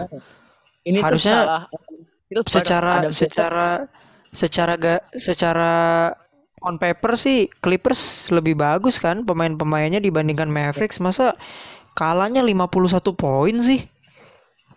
Iya, udah udah Malu-maluin udah aja gitu, gitu menurut gua. Dari halftime lagi kalahnya. Set parah, Bril. Kalau Asli. Misalkan, misalkan 50 dari halftime- poin lu di halftime gila. Dari halftime mereka kalahnya 50 nih. Pas full time kalahnya jadi 30 atau 40 berkurang gitu wajar lah. Ini malah nambah. Nggak, Ini mana 51? Gila nggak lu? Kesel nggak lu? Aduh. Ini ini ini tuh salahnya Adam Heran Silver. Gua, gua Adam Silver men mensahkan Gua pas bangun-. Nah, gue Gue pas bangun tuh, gue kira ah, itu cuman halftime-nya aja tuh. Pas Kipai, Kipai ngasih foto tuh di grup kita, gue kira tuh halftime aja. Maksudnya kayak kata Jibril bisa di cut 30 lah, apalah. 51 dong kalahnya. Lima, 51, Bos. gue juga kaget. 51. Gue kan tidur gue kan tidur jam 6 Gamenya tuh jam 4 kan Gue dapet, dapet notif dari NBA Selisih game, gamenya tuh 50an Gue kira gue, gue kira gue masih nga, apa, udah ngantuk ya Taunya itu bener-bener angka hari lah anjing. Lu tuh lu tuh kayak gini Pak, mau tidur, dapat notis dari NBA, Clippers skala 51 poin. Ah, bodo amat tidur lagi ya. Kagak gue tonton itu quarter 3, quarter 4 Tapi quarter 3, Oh, quarter iya. 4 nya sih emang dibetulin sama mereka Tapi tetap Iya, aja iya, iya. nggak nggak ada otak Kagak ada yang di, ada. kagak ada yang dibetulin, kagak ada. Enggak, Kalau seenggak- 51 poin jadinya enggak, seenggaknya tuh mereka mempertahankan 51 poin itu. mempertahankan. Nggak ada yang bagus Pak dari Mempertahankan. 50 poin. Lu lu lu lu mending ngekat Orang ngekat. dikit orang dikecilin, Pak. Iya, maksudnya gitu loh. Ya udah lah. Ya. Malunya itu kan. Kalau kalau kalau tiga kalau jadi 30 20 enggak apa-apa dah. Udah wajar ya. Iya, nggak apa-apa deh. biasa. Asli. Udah biasa kalau 30 poin mah biasa, banyak kok. Hmm. Banyak tim-tim jago kalau sama tim-tim biasa 30 poin juga banyak. Mas 50 poin. 5 50, mohon maaf ini ya Allah, Mavericks lagi. Gue jadi aduh nggak ngerti gue. Soalnya kan mereka lawan Lakers bisa menang ya. Mereka Iya. lawan Lakers bisa menang gitu. Emang sih nggak ada Kawhi Leonard tapi eh, Paul George ini ke mana gitu? Apa tidak bisa mengangkat tim? Apa tidak tidak percaya diri atau kurang minum Gatorade apa gimana dia tuh? Gue gue juga bingung Lu Paul George Mau sebenarnya. mau dengar anal- analisis gua nggak? Apa tuh? Oh, gimana tuh gimana tuh? kemarin kok kemarin roh yang diusir sama Kyrie di Boston gabut terus pindah ke Clippers tuh ngerasukin pemainnya atau satu kata kata rohnya ah kita bosen di Boston diusir sama Kyrie kita ke Clippers aja gitu makanya kalah 50 poin analisis gue sih gitu Lu lu lu mau tahu nggak hal yang paling buruknya lagi apa? apa Mereka mainnya di Staples Center, men. nah tapi Ma- ini tapi Di kandang. tapi tapi apa desainnya diganti jadi desain home court mereka kan Iya, iya. Iya. Tapi mainnya di Staples Center terus lu kalau 51 poin, emang sih kalau ada fans mungkin tidak terjadi ya. Tapi kalau misalnya terjadi nih, ya kan? walau nggak ada fansnya sih misalnya terjadi lu kalau 51 poin di rumah gitu kan lawan Iya, iya. Mavericks yang kagak ada Porzingis gitu gimana Iya, perasaan fansnya gitu bandwagon bandwagonnya Itu- tuh mungkin akan cabut gitu cabut. Kipai udah cabut dari lama Kipai. Ya bye. cabut lah dia udah NFL Itu dia tuh- sekarang Tom Brady, Tom Brady. Waduh. Tom legend. Brady dia Iya. Itu tuh ibarat lu tuh akam lu tuh akam sini anak kampung sini mau main di taman mau main di lapangan lu ada pendatang main lu tantang dia kalau misalkan kalah keluar dari lapangan lalu kalah tuh itu Iya tuh sih. Clippers tuh kayak gitu Ya, seperti itu. ini gue yakin abis ini LeBron James sama Chris Paul langsung mendiskusikan gimana caranya kita ngeban Clippers dari NBA aja lebih baik lebih baik bangsat. Lebih baik 29 tim yang bagus dibanding 30 tim tapi ada satu yang jelek. Iya betul. Mendingan 29 tim Betul. yang bagus enggak enggak Betul, enggak enggak enggak enggak bakal timpang juga sih. 14 lawan 15 enggak bakal timpang juga kok. Daripada lu Kagak, ini. mohon maaf ya. Ini tuh kalau di preseason, kalau di preseason nih selisih poin kayak gini tuh biasanya tim NBA lawan tim di luar NBA kayak di tim-tim di China Iya. gitu kan. Biasanya selisihnya 40 poin, 50 poin. Ini sesama sesama tim NBA gitu loh. Clippers Ya kan, lagi, Clippers- Clip. kan Clippers bentar lagi pindah ke Shanghai Nah, Oh, jadi hmm. tim Liga Cina Gua kira pindah ke IBL kali IBL. Aduh, pindah ke IBL kalahnya bisa lebih, lebih parah. Kalau pindah ke IBL kalahnya 60. Karena bukan di kandang lagi mainnya. Clippers, Clippers. Gue takutnya roh-roh yang merasuki Clippers kalau misalkan Clippers main di IBL para netizen Indonesia yang ikut nonton kena juga. Oh, Iya, jahat. kesurupan massal. Di- degra- degradasinya jauh ya sampai Indonesia. Kita ngabi- kita ngabisin waktu segede banyak buat ngejibah Clippers, tapi emang asik ya. Hmm, Bangsat ya gua Clippers tuh goblok. Oke, lanjut Bre, lanjut Bre. Kesel ada, bisa. ada, ini ada ada tim terakhir eh tiga kali juara NBA di dekade ini Golden State Warriors tapi dengan rekor yang ber- yang berbeda dari ekspektasi kita semua ya dua kali kalah satu kali menang ya Warriors ya Yep. Yep. dan dua dan dua kali kalahnya ini adalah kalah telak Betul. kalah Menangnya juga menang sama- tipis.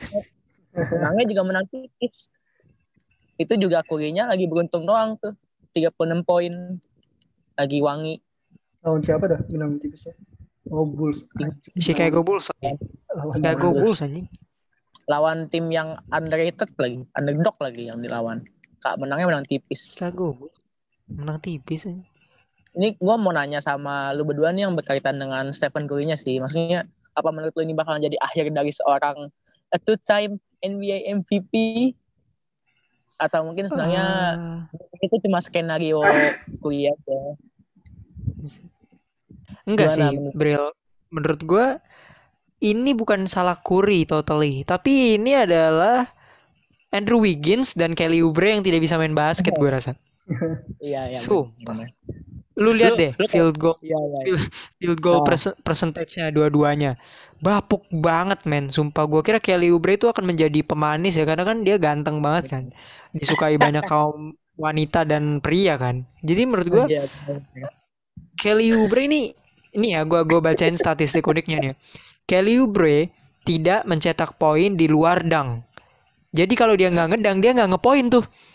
iya Kan makanya kurang ajar ya. Kan kurang ajar gak sih pemain kayak gitu maksud gua.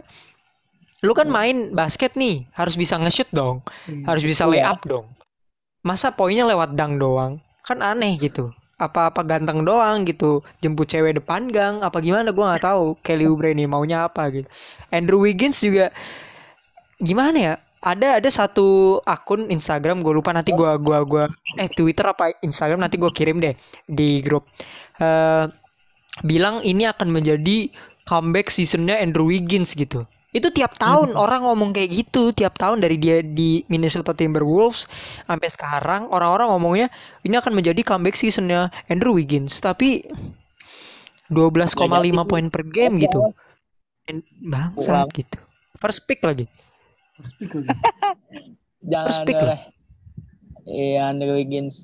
Gue juga, gue juga, gue juga waktu lihat di meme-meme Instagram tentang NBA, uh, presenternya home court Chicago Bulls itu ngasih berita uh, uh, Golden State Warriors mengganti Klay Thompson dengan dua pemain batu bata dengan dua brick. Eh, batu bata. Terus ada terus ada ada Wiggins sama Kelly, Kelly Oubre sama presentasi mereka yang emang bapuk emang ya gua enggak lucu aja sih gitu maksudnya tim yang dulu pernah jadi dinasti dan salah satu tim yang tidak terkalahkan dalam sejarah bahkan sampai ngalahin sang raja tiga kali tiga kali tiga kali ngalahin sang raja tapi sekarang jadi begini ya. Ya namanya perjuangan proses dan karma itu berlaku ya.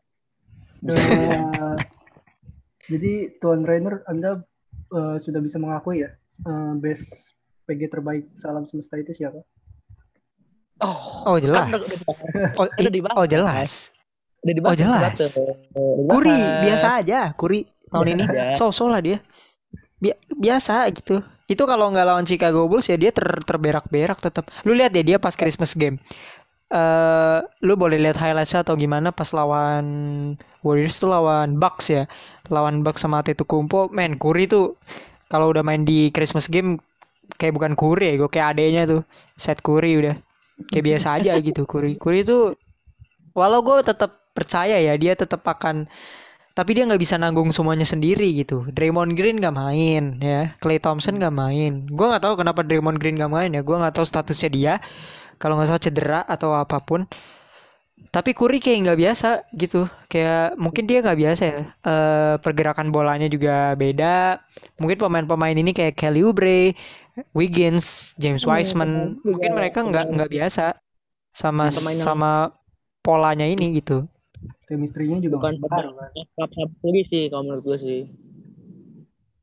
Bukan pemain Iya. yang di, di dalam maupun di luar lapangan karena kan banyak anak barunya udah gitu ada ada ipare Kuri juga udah gitu rookie-rookie-nya juga sampah juga juga rookie-rookie-nya juga jelas Tapi James Wiseman bagus loh menurut gua. Dia bukan, Salah- bukan dia pemain gitu oh iya, si pemain terbaik kedua Warriors sih terbaik sejauh ini Oh, iya. James Wiseman. Solid dia, Ya, bagus mainnya. Solid, Dibanding Lamelo Ball ya. Menurut gua bagus. kan udah James gue Wiseman. pasti Golden State ngambil James Wiseman karena butuh center kalau misalkan dia ngambil enggak James untuk Wiseman untuk bayangin untuk sesama untuk sesama rookie tahun ini menurut gua James Wiseman dibandingkan Lamelo Lamelo tuh ya Allah. Saya nyesel kayaknya. Rookie of the Year-nya Jadi- Lamelo Ball. jadi rookie of the year siapa nih Wiseman ya kan Anthony Kayaknya Edwards juga Wiseman nggak kelihatan tuh Eh, Anthony ya. Edwards bagus, Bril. Lamelo. Ball demi Allah dah. Sumpah lu lihat dah dia takut dia Lamelo Ball tuh kalau nonton Hornets. salah tim sih. Dia, dia takut dia takut masuk ke paint gitu loh kayak takut jatuh gitu jijik gitu alergi. Aduh nggak mau jatuh nih nggak mau luka gitu. Gila chin lebih gitu lebih 6 bagus- juta bagus gitu. abangnya sebenarnya. Lonzo itu lebih hype lebih oke dibanding meskipun emang nggak bisa disebut bagus juga sih tapi Lo- Lonzo itu lebih kalau kalau Lamelo kan mainnya jaim banget ya berasa ganteng gitu kan.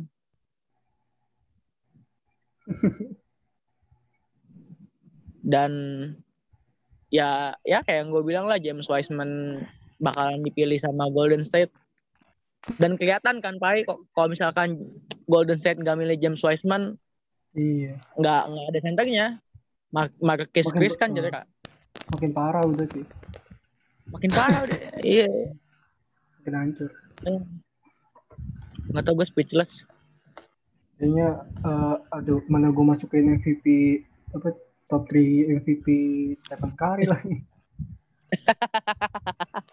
itu penyesalan yang terdalam ya Pai jadi ini kita udah selesai di topik ya udah. Maksudnya tim delapan tim ini udah kita bahas udah kita acak-acak satu persatu kekurangan dan kelebihan mereka prediksinya. Betul.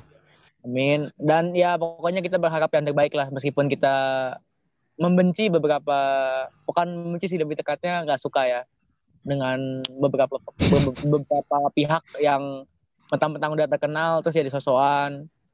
Mereka mereka Betul. berpikir mereka mainnya jelek, mereka nggak bakal di roasting padahal itu saat antara dunia nggak roasting gitu. Tapi mereka kayak seakan-akan tutup mata tutup mulut gitu. Hidung iya tutup. betul kayak pemerintah ya Ini- Bukan pemerintah. KPK. oh siap Siap, siap. Jadi ini kita kan Ya, biasanya gitu. habis topik langsung masuk state of the week. Tapi ini ada sedikit tambahan dari CEO. Eh, Presiden Jokowi baru saja merombak jajaran kementerian di pemerintahan Republik Indonesia dan akhirnya Ray memutuskan untuk membuat segmennya dia sendiri. So Ray, gue persilakan lu untuk mengambil alih. Iya, jadi kan kita udah nyinggung poin guard terbaik ya, salam semesta tadi Chris Paul. Em, ngomongin tentang presiden, eh jadi Pak Jokowi itu nge-reshuffle menteri kan, dan gue berpikir kayak apa yang terjadi kalau pemain-pemain NBA itu jadi menteri gitu. Mhm. Apa ya? Kayaknya untuk untuk menganalogikan ini ya. Jadi gue ada beberapa menteri yang ada satu, dua, tiga, empat, lima, enam, enam menteri. Yang pertama Menteri Pertahanan. Ini di luar presiden ya. Kalau presiden kan kita tahu dong siapa yang cocok menjadi presiden ketika tahu. negara NBA itu terjadi gitu. Udah jelas tertulis di buku prasasti ya, prasasti Adam Silver bahwa Chris Paul adalah presiden selamanya di eh, negara NBA. Kalau rajanya ada lagi Pak, eh ada lagi Bril. Ini kita menganut raja. menganut monarki konstitusional. Ada Jadi Raja jadi ya, ada pemimpin raja negara. ya. Pemimpin Iya. negaranya ada dua. itu. Ada Pemimpinnya negara ada dua. Mm-mm, ada raja tetap harus membungku kepada raja tetap. Dan Iya. ada beberapa jajaran menteri. Yang pertama Menteri Pertahanan nih. Menteri Pertahanan di NBA. Ya udah pasti kelihatan lah ya. Ini faktor utamanya yang lo harus ambil adalah sisi bertahannya defensively. Tapi kalau Siap, menurut siap. lu Pai di seluruh pemain-pemain NBA siapa yang cocok jadi masuk kabinet kerjanya Chris Paul untuk menjadi Menteri Pertahanan? Eh, ini ini pemain NBA yang eh, yang masih bermain apa yang udah pensiun juga boleh. Masih bermain aja yang yang aktif aktif player aja. Aduh, Menteri Pertahanan lu pasti tahu lah gue bakal milih siapa sih. Siapa siapa? Siapa tuh siapa tuh? siapa pak? Siapa pak? Gue mau ngomongnya mana? Lu jangan jawab Patrick Beverly, Pai. Jangan Hancur, Pak. Pai. Pai. Lu Please play. lu milih lu Pat Bev sih fix ini fix kalau udah ketawa Pat Bev sih. Bangsat. Eh dia ber- pertahanannya cakep kan, buset. Siapa tuh? Dia itu Patrick Beverly gila dia mampu mengacak-acak mental lawan sampai mental minus gila. Dia kalau jadi sebuah negara mungkin bisa gila bisa ganyang ganyang negara sana sini kali Patrick Beverly memperkuat Itu pertahanan. Tapi kan ngomong doang, ngomong doang dia. Ya sama Iya. kayak menteri ya udah ya lanjut. Ada dia, dia mau nyebut Menteri Pertahanan Indonesia tapi nggak jadi. Oke, Pat Bev ya. Looks good, Iya. tapi menurut gue ada silly jadi menteri. Lu Bril ada nggak ah, nama-nama yang cocok nih kandidat ya untuk jadi menteri pertahanan di kabinet kerjanya Chris Paul siapa nih? Gua ada empat. Yang pertama kali terlintas di pikiran gue itu Draymond Green. Gak tau kenapa tiba-tiba kepikiran dia aja gitu. Gue tau ya sebenarnya Oh. Draymond Green harusnya tadinya pelawak karena dia donkey. Tapi terlintas saja. Ada Draymond Green terus tiga kandidat tiga kandidatnya ini Kawhi Leonard, Anthony Davis sama Rudy Gobert. Uh, Nah, Oke. masalahnya adalah pemilihan secara vote, kalau misalkan pakai vote ya, ini nggak, ini mungkin antara Edi sama Kawhi yang kepilih. Tapi kan kita tahu ya ada cara pemilihan aklamasi. Jadi, oh siap. jadi mungkin bisa jadi kalau aklamasi itu Rudy Gobert kita masuk karena Rudy Gobert Rudy Gobert itu Oh. lebih eh, bertahan ya. Kalau pem- tiga pemain yang ini kan kemampuan ofensifnya oke. Tapi defense-nya oke, te- offensive-nya oke, tapi kalau Rudy Gobert kan emang spesialis bertahan gitu ibarat. Emang benar-benar defensif. betul. emang pure defender lah ibaratnya gitu. Kalau poin mah sekali dua kali juga nggak apa-apa dia, Pak. Menurut gue sih empat orang itu sih. Empat orang itu yang Oke. cocok jadi kandidat ya. Kalau pemilihan kita serahkan sama warga, warga masyarakat NBA aja deh. Ah, betul betul. Pemilu menteri ya. Ini nggak dipilih sama Chris Paul nih, harus lewat vote. Kalau gue sih menurut gue menteri pertahanan tuh harus harus versatile ya, harus bisa Benar-benar. Eh defend di mana-mana, harus bisa ngerti pertahanan senjata-senjata pertahanan. Ya kayak menteri pertahanan yang kita miliki di Indonesia ini menurut gue Giannis Antetokounmpo sebenarnya adalah per- menteri pertahanan yang cukup bagus sih. Dia lumayan versatile di defense-nya, block bisa, steal bisa, uh, one on one perimeter defense juga bisa. Anthony Davis sebenarnya gue pengen jawab, cuman masa ini sih di partai yang sama dengan Raja kan kan nggak bagus ya. Titipan dong, kan nggak bagus. Jadi menurut gue sih Giannis Antetokounmpo adalah menteri pertahanan yang cocok untuk berada di kabinet kerja Chris Paul. Apalagi dia kan digandrungi banyak ibu-ibu muda ya dan anak-anak muda. Jadi menurut gua Iya, pede iya. lah bisa lah ini. Dia rotot juga kan.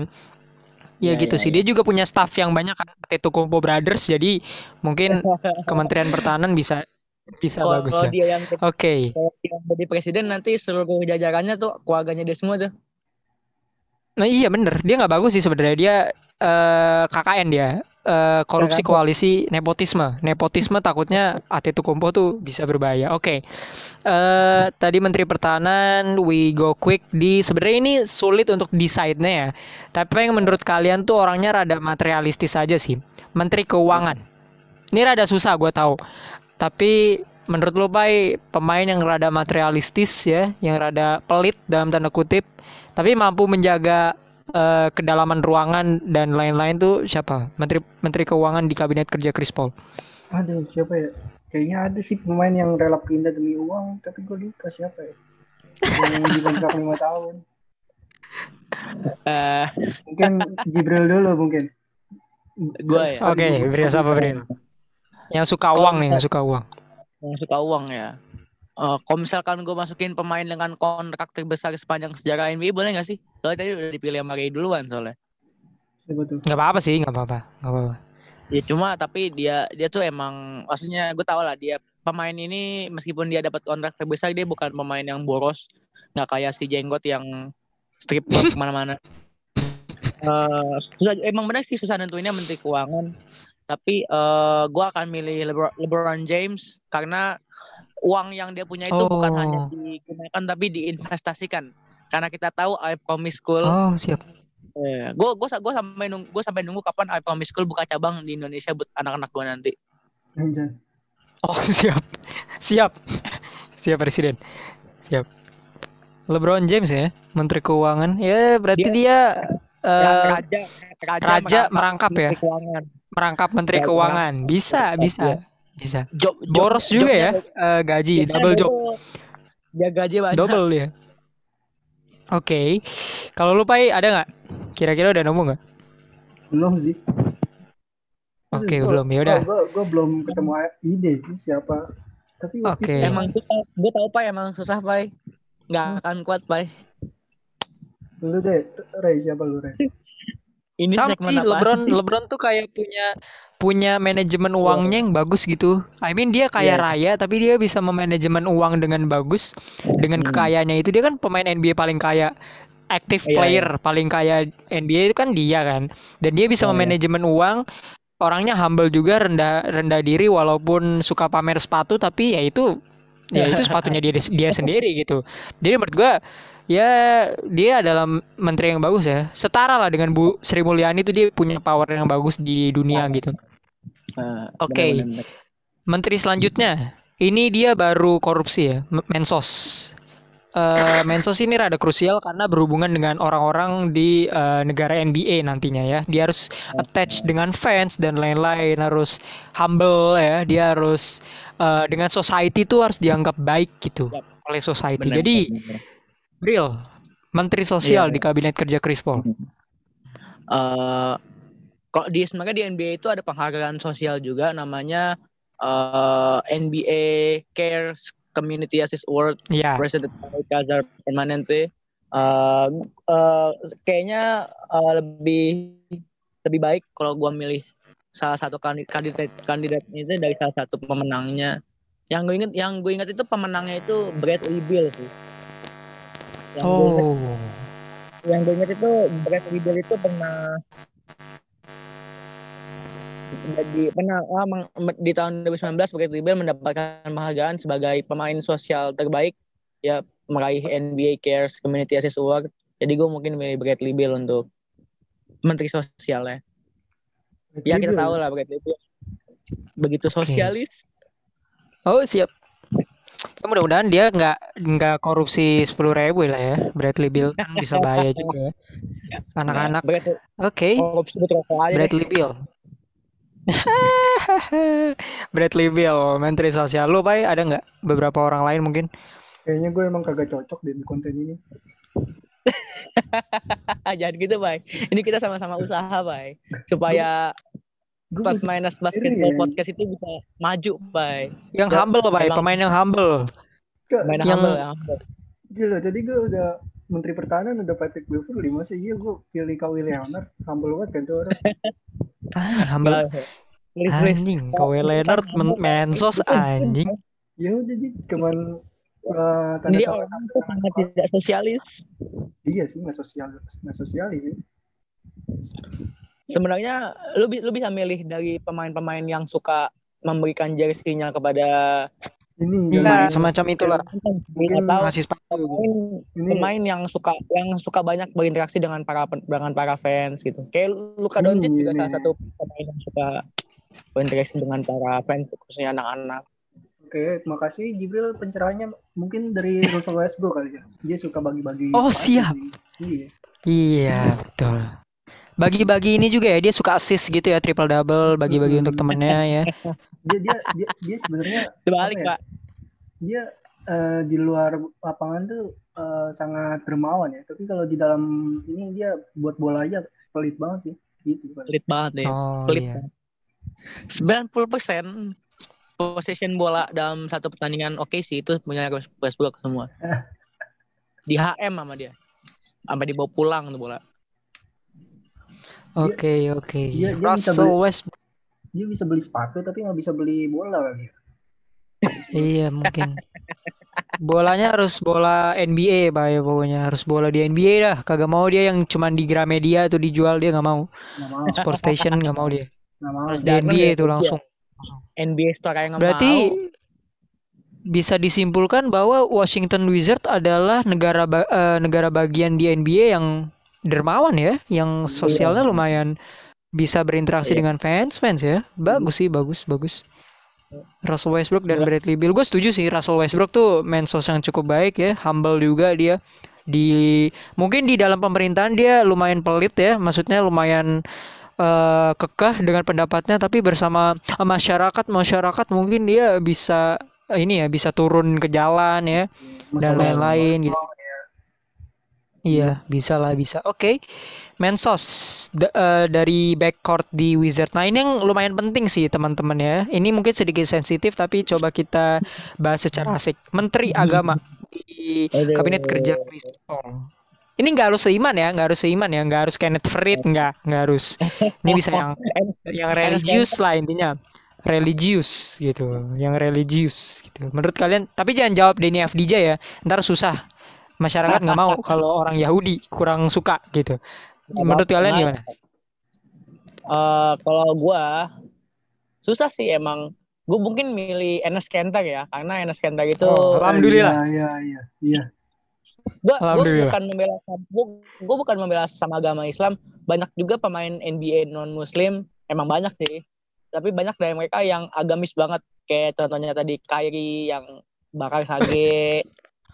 Terus eh, kayak ya LeBron bahkan seorang LeBron James pun selalu berdoa meskipun dengan gayanya dia ya gaya gaya gaya dia dia tapi tetap berdoa. Tapi gue milih Enes Kanter karena dia itu eh, pemain kedua setelah Hakim Olajuwon yang bermain yang bermain ketika sedang bulan puasa. Dan itu Alhamdulillah. imannya tetap kuat. Dia dia tuh bahkan buka puasa tuh di halftime. Jadi tuh kuarter kuarter siap. kedua dia tuh main tanpa minum gitu. Gue kamu apa imannya tuh tinggi banget gitu. Gue sampai ngefollow IG-nya kan sampai sampai gue nonton gimana dia ngejelasin, dia ngejelasin ke fans-fans NBA eh, tentang tentang puasa tentang Ramadan gitu tentang keagamaan gitu. Gue bukannya gue bukannya ngebela agama Islam ya tapi sama ini di NBA yang gue lihat eh, yang paling religius di NBA itu Enes Kanter sih. Oh oke. Setuju sama Jibril Enes Kanter tuh apa ya yang lain tuh kan kalau pemain NBA mungkin pam- eh, apa update-nya olahraga kayak LeBron atau eh, mobil kayak siapa gitu sepatu kehidupan kehidupan kehidupan ala barat kan tapi Enes Kanter ini dia berbeda kan dia di mobil aja Iya. hotel selawatan dan lain-lain sih itu Iya benar-benar. Iya iya iya. Iya, Iya, bersama saudara saudara Koval ya waktu itu ya kalau nggak salah dia. Sama Takovol berenang. Oke. Enes Kanter. Sebuah pilihan yang solid ya untuk Menteri Agama kan ya pokoknya yang penting harus iman dah ya pokoknya. Oke, dan selain Enes Kanter berarti Menteri Agama udah lock banget ya. Kayaknya di NBA tuh jarang banget ada pemain em, yang kelihatan banget religius mungkin ya itu kembali ke masing-masing tapi Enes Kanter adalah pilihan yang baik untuk Menteri Agama bisa memfasilitasi eh, warga-warga minoritas yang tinggal di Hmm. negara NBA. Selanjutnya, ini pemain harus pemain yang paling fit, yang punya badan yang paling bagus ya, atletisismenya juga bagus. Mengerti Iya, iya. NBA dengan baik dan bisa bermain basket dengan baik. Menteri Pemuda dan Olahraga dalam kabinet kerja Chris Paul. Silakan Kipai. Eh, kalau ini gue bakalan milih LeBron sih bisa nggak Hmm. Ya, Bisa sih, kan- tapi- ya. Soalnya Jadi kan, LeBron James rangkap tiga ya jawabnya. ya? Ay, rangkap tiga. Udah raja, menteri keuangan, men- terus jadi men Menpora. ya emang ini orang serba bisa sih. Serba bisa sih all around. dia dia Bisa. Selain LeBron deh, coba selain LeBron deh. Aduh, eh, yang nggak pernah cedera deh ya siapa ya Oke, longevity-nya bagus. Oke oke oke oke.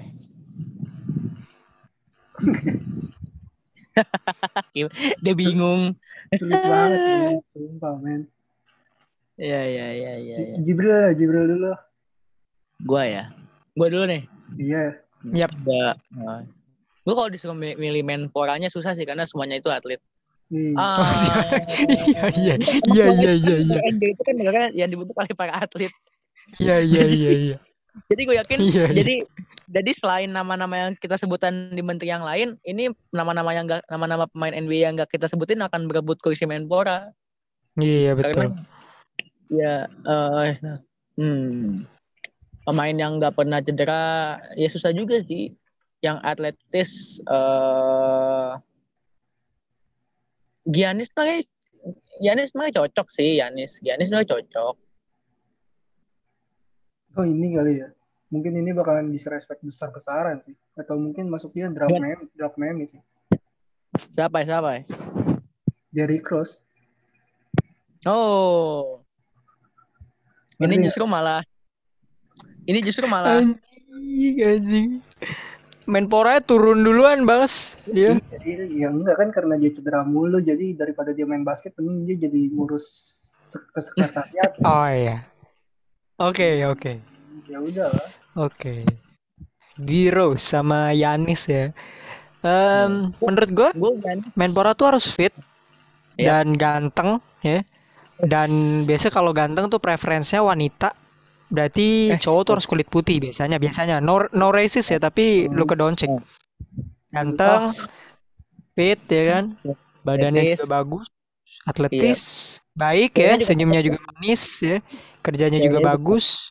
Sudah Hmm. sejak muda sudah sudah bagus ya kinerjanya. Jadi kalau gue sih Luka Doncic ya untuk menjadi. Menpora karena sedang digandrungi ibu-ibu muda dia nih kayaknya. Jadi eh, Luka Doncic. Karena kan banyak ya menteri-menteri muda kan digandrungi ibu-ibu muda. Jadi gue sih Luka Ya. Doncic ya. Kalau nggak Zion sih, Zion tuh bisa. Cuman menurut gue susah jalannya ke mana-mana dia. Rada berat gitu. Jadi kalau gue sih Luka Hmm. aja. Luka tuh pelan tapi pasti. Slowly but sure. Kinerjanya bisa gila. Oke. Last but not least, ini sebenarnya sulit untuk eh, netapinnya, tapi gue kasih beberapa clue. Menteri Pariwisata dan Ekonomi Kreatif. Ini kualifikasinya adalah pemain yang suka jalan-jalan, ya. Pemain yang eh, di sosial medianya tuh sangat aktif, kreatif juga, eh, basketball IQ-nya harus bagus, besar. Ya pokoknya intinya pemain yang suka jalan-jalan dah. Yang yang ya pokoknya di mana pun dia tuh dia selalu eh, bisa mencari tempat yang eh, bagus gitu, bisa membuka ruang ya dan segala macam. Ke mana pun dia pergi ke tim tuh timnya akan selalu di highlight. Pokoknya kreatif dan suka berlibur gitu. Kira-kira siapa Bril? eh, pemain yang kreatif dan suka berlibur. Ya Steph kan, ya Steph Curry lah. Steph Curry kalau misalkan lo tahu season lalu dia cedera bukannya dimanfaatin latihan malah berlibur dengan istrinya yang semok. Hai, hai. Ya, ya mungkin emang Stephen Curry suka berlibur ya.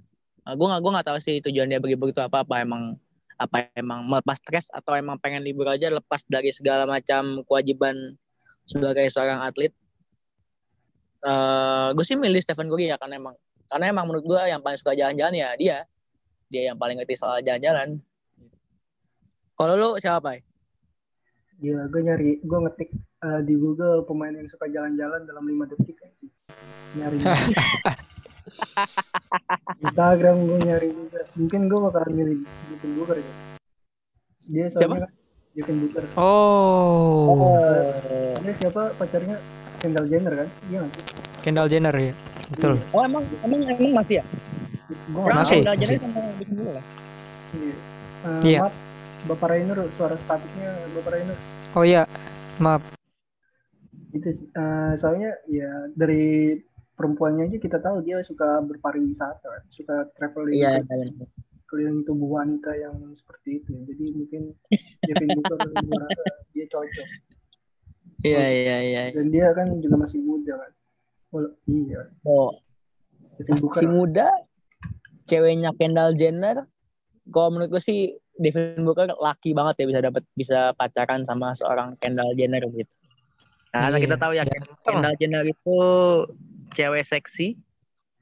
Iya. Kayaknya gue Iya. salah ngomong nih. Iya nih. Takut sebenarnya bener ya kak. ada sebenarnya gue tuh ada, ada satu orang lagi. Gue baru inget nih barusan. Eh kan pariwisata itu kan berkaitan dengan traveling ya.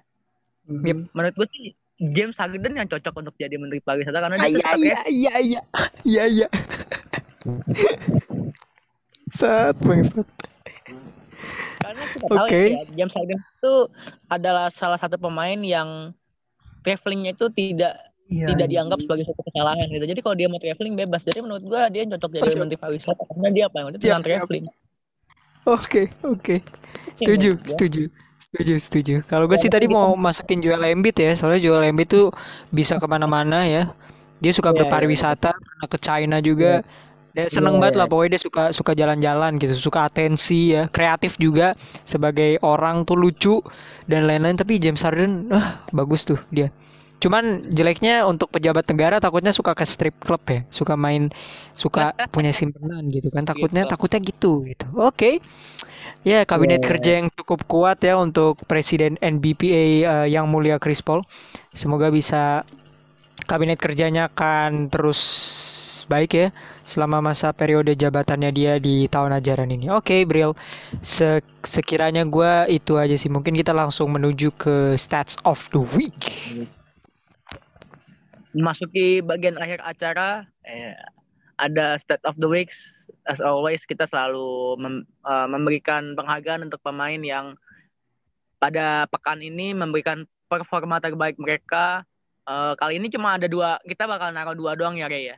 Bakal naruh dua orang doang. Bakal naruh dua performan performer doang. Eh, satu dari West dan satu dari East.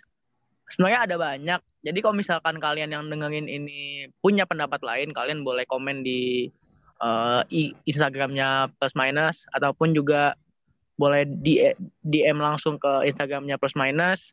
Tapi ini versi gua ada dua orang, Brandon Ingram dari New Orleans Pelicans dan juga Kyrie Irving dari Brooklyn Nets. Yang pertama Brandon Ingram, New Orleans Pelicans menang lawan siapa sih? Gue lupa, gue lupa tadi lawannya. Eh, apa? Eh, siapa? Siapa ya? Tadi siapa ya? Tapi Di ya opening night ya? terlepas dari lawannya Brandon Ingram mencetak 24 poin, 9 rebound, 11 assist. Ini nearly triple double. Hampir triple double dikit dikit lagi, dikit lagi.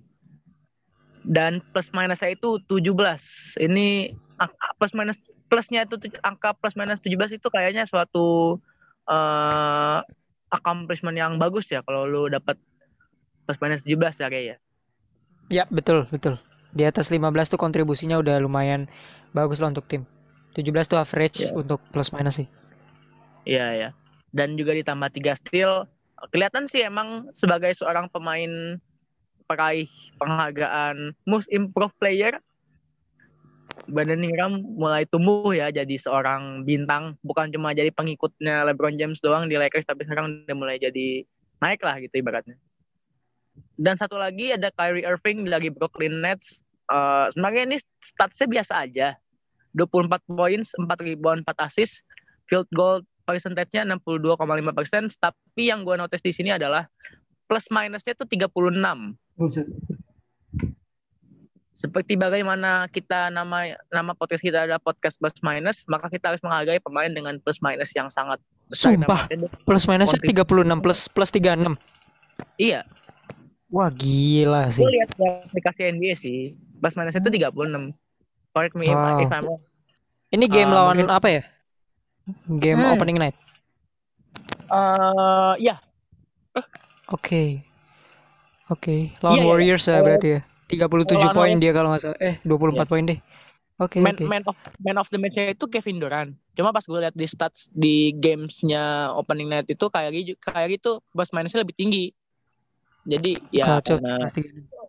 gue menghormati CEO yang sudah berkorban mem- mem- memberikan ide untuk nama podcast ini jadi gue memberikan stats yang mengutamakan plus minus gitu ya jadi ada Oke. dua stats ya di di, di episode kedua ini cuma dua stats namun eh, yang mau gue kasih tahu untuk kalian yang yang dengerin podcast ini eh eh, jangan lihat dari angkanya tapi lihat dari berapa efektif eh, berita yang kita bawa kita bawain karena sebentar lagi. Chris Paul akan menentangkan negara NBA Amin.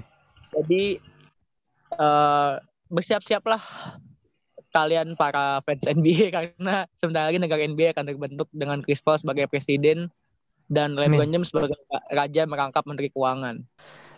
Mungkin untuk itu aja ya Ray, untuk episode kali ini ya karena emang ya namanya pembukaan lah namanya pembukaan pasti bakalan biasa aja. Pembukaan namanya pembukaan bakalan yang eh, ngasih bumbu-bumbu dikit tapi eh, tetap kita bakal terus eh, keep in touch dengan berita-berita terbaru NBA bakal banyak berita-berita terbaru NBA nggak cuma berita yang dipopulerkan di Insta- di TikTok, Instagram atau whatever ini bak- bakalan ada berita-berita juga yang datang dari sumber-sumber yang tidak ternotis. Tapi berita ini tuh berita yang eh, bisa mengembarkan, eh, maksudnya bisa menambah pengetahuan kalian para pendengar tentang NBA gitu ya. Eh, untuk episode episode kedua ini kami bertiga undur diri. Eh, jangan lupa jaga kesehatan karena Berempat, berempat, di mana-mana. berempat, sih. berempat. Berempat. Ini satu Satu lagi siapa? roh yang diusir ke Irving. Bangsa.